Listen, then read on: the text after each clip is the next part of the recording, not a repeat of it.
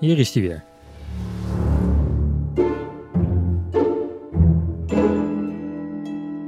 De podcast van wifonderloop.nl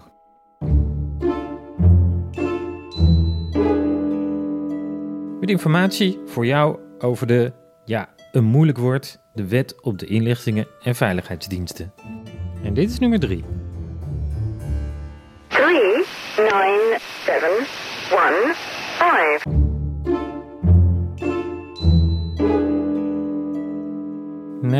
Dit is toch echt nummer 3. Niet over nummers, maar over de nationale veiligheid. Ja, de nationale veiligheid. Dat is nu de basis van het werk van de inlichtingen en veiligheidsdiensten. Maar het is natuurlijk ook best een vaag begrip.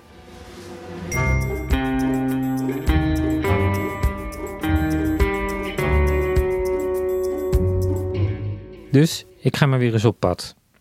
En wat zeggen de deskundigen daarvan? We beginnen met Constant Heijzen. Uh, je wil ook wel een soort begrippenkader waarmee je gewoon wel even vooruit kan. Maar daar geldt tegelijkertijd dus precies dat gevaar in. Uh, dat je daar maar alles onder kunt schrijven wat je wilt. Uh, want, want wat is niet nationale veiligheid?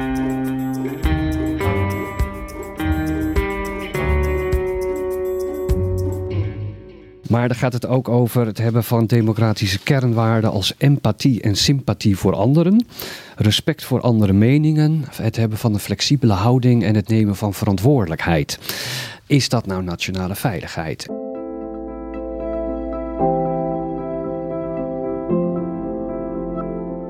Tja, dan vorm ik, denk ik volgens de mensen om me heen, geen gevaar voor de nationale veiligheid.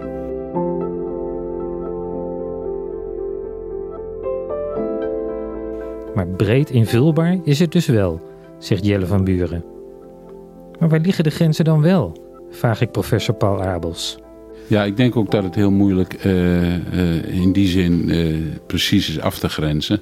Maar je zou, denk ik, er goed aan doen om dat toch ook in het kader van bijvoorbeeld zo'n nieuwe wet op de inlichting en veiligheidsdiensten op zijn minst in de memorie van toelichting, daar een zekere vorm van definiëring voor te vinden of afbakening, zodat je ook weet, nou ja, daar ligt uh, het mandaat van de diensten. En, en daar moeten ze zich ook op focussen. En dan, dan zijn er natuurlijk elementen die je kunt voorstellen. De vitale infrastructuur die Nederland functionerend houdt. Dat je daar uh, bedreigingen voor gaat onderkennen. De democratische rechtsorde die is vaak wel wat meer omschreven. Ook niet altijd in alle termen, maar daar uh, ja, elementen uit het on, onbelemmerd functioneren van een democratische rechtsstaat. Dat zijn dingen die, denk ik, dan onder het begrip nationale veiligheid uh, genoemd zouden moeten worden. Maar juist hierover vind ik in de memorie van toelichting weinig terug. En dat is niet alleen in de memorie van toelichting. Constant Heijzen heeft een student gehad die gekeken heeft hoe in de jaarverslagen van de AIVD het begrip democratische rechtsorde wordt gedefinieerd. Die staan er eigenlijk niet in. Uh, ze heeft dan als een soort tweede slag heeft ze, uh, gekeken van wat wordt nou geïmpliceerd? Wat bedreigt nou democratische rechtsorde? En dat naast elkaar gezet. Nou, en, dan, en die komt tot slot omdat dat, dat, dat dus hele verschuivende steeds weer invullingen zijn. Oké, okay, steeds andere invullingen. Maar tegenwoordig ook een nationale strategie.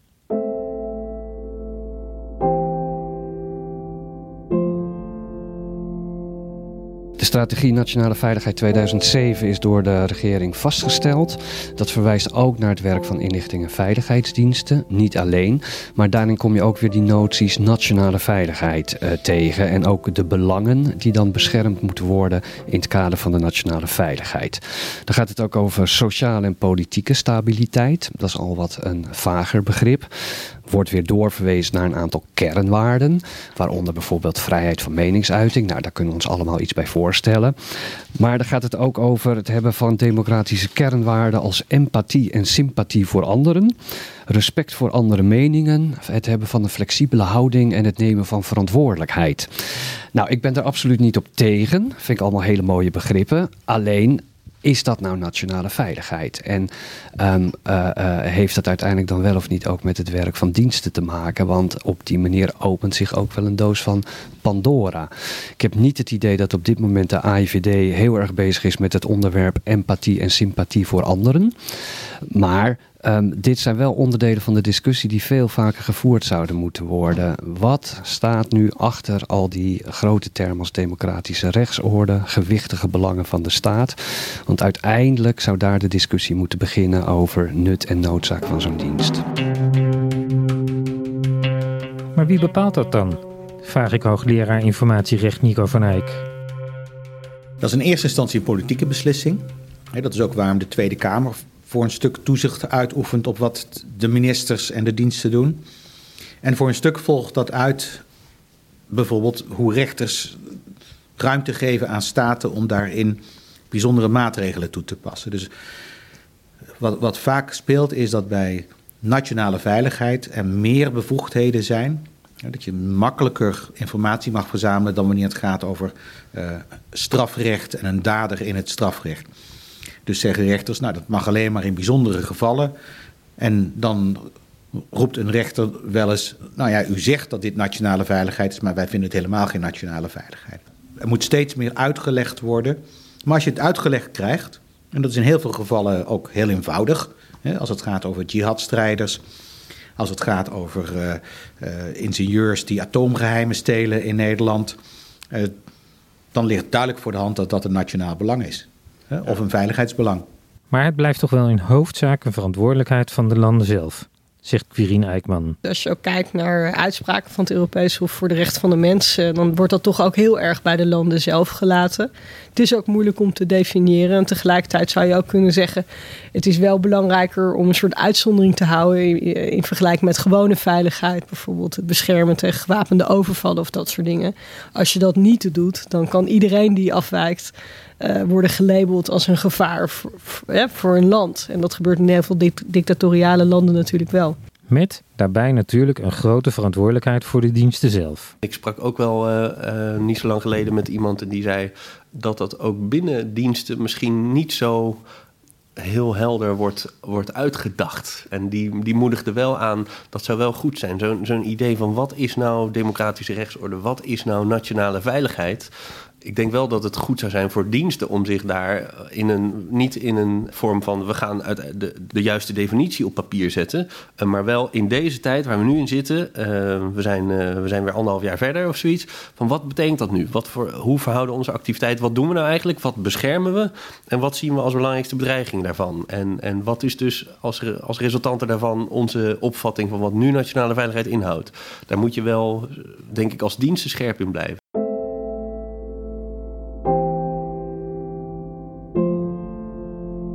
En ik vroeg aan Kees-Jan Delebeke, oud-AIVD'er, hoe dat dan werkt. Uh, een voorbeeld is een burgeroorlog in Joegoslavië.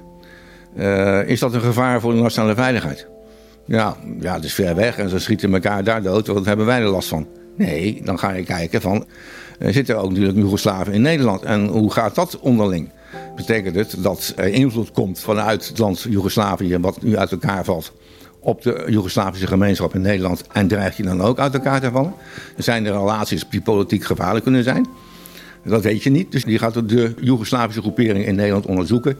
En dan ga je op een gegeven moment grote schriften maken, zoals Kroaten, Serviërs en, en Bosniërs. De Joegoslavische gemeenschap valt uit elkaar in een Servische club, in een Kroatische club en, en nog een Bosnische club. En dat verspreidt zich ook nog over het land. Uh, vaak. Uh, Serviërs zaten vooral in Amsterdam. Uh, Bosniërs voornamelijk in Rotterdam. Uh, en, en dan ga je onderzoek doen naar wat doen die lui nou. Je probeert informanten te werven. En hoe is de relatie tussen Joegoslavië en wat is, heeft dat te maken met nationale veiligheid in Nederland? En daar ben je soms wel twee, drie, soms wel vier jaar mee bezig voordat je echt een goed beeld hebt. En alles bij elkaar uh, zie je op een gegeven moment dat heel, er voornamelijk uh, criminele activiteiten ontstaan. Met name bij de Serviërs in in Amsterdam, die tot op de dag van vandaag nog mensen liquideren. En dan uh, ga je praten met, met uh, toen nog met de RID uh, eh, Amsterdam en zeggen van wat zien jullie dan nog gebeuren? Hebben we nog iets bijzonders waardoor je wil doorgaan? En die zeiden, nou ja, wij spelen het ook maar door naar de CID en niet meer naar de, naar de BVD doen. Want er zit politiek helemaal niks aan, niks aan vast. Het is allemaal, allemaal crimineel. Wat crimineel heeft natuurlijk ook te maken met nationale veiligheid. Maar niet wat betreft de AIVD of de BVD. Het is, hebben dus na, na vier, vijf jaar kunnen constateren dat er zijn dus geen politieke ontwikkelingen.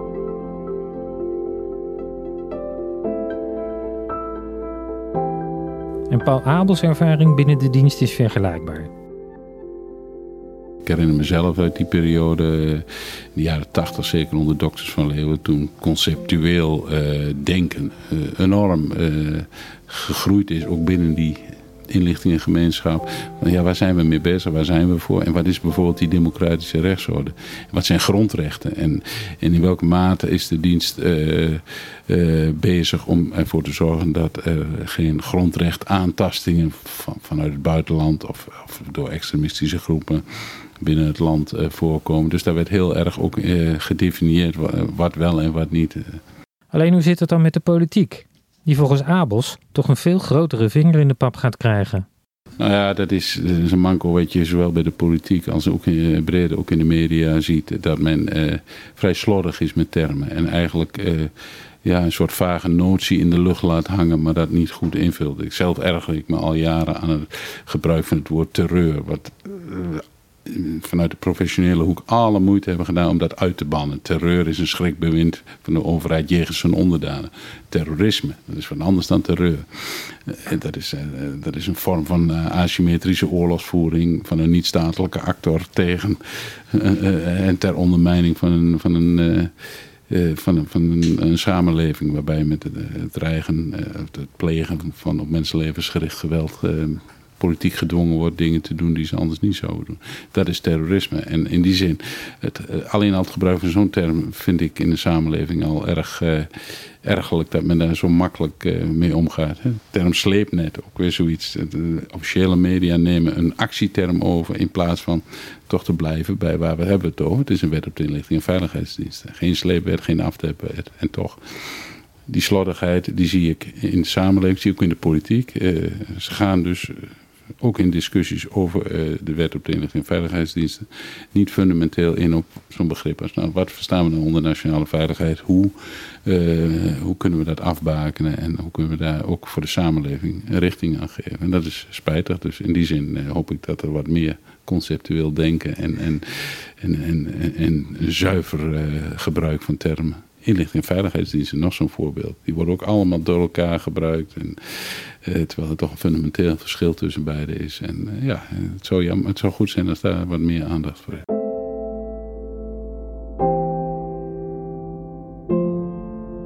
Aandacht die er volgens Jelle van Buren ook moet komen over de invulling van het begrip nationale veiligheid.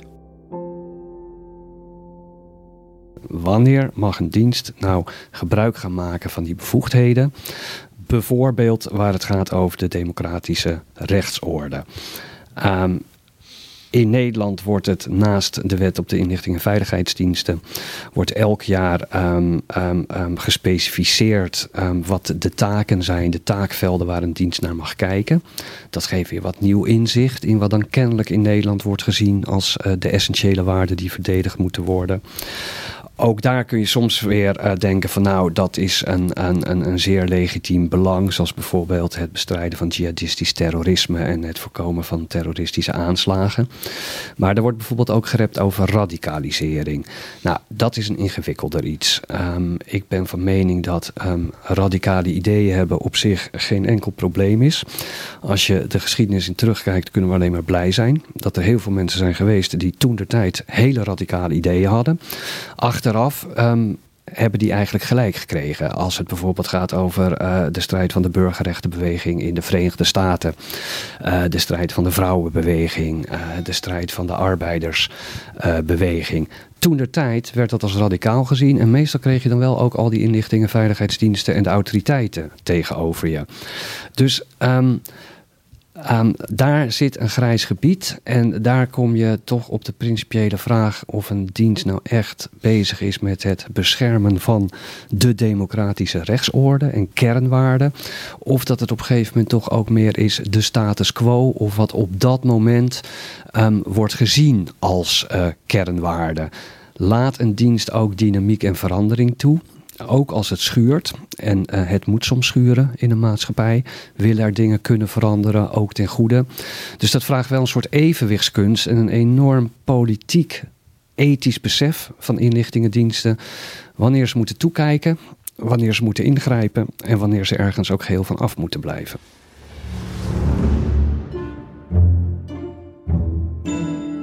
Ja, dat grensgebied gaan we verder onderzoeken.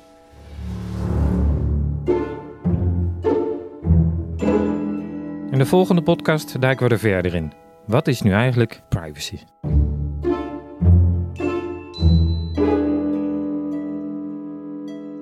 Je moet toch ergens een grens trekken. En de klassieke grens was altijd, het klassieke principe, was dat een overheid pas inbreuk mag maken op de privacy van een burger als er sprake was van een redelijke verdenking van een concreet strafbaar feit. Dat is in ieder geval het principe wat vanuit het strafrecht afkomstig is en de laatste honderd jaar altijd heeft gegolden. Maar ook in toenemende mate onder druk staat trouwens.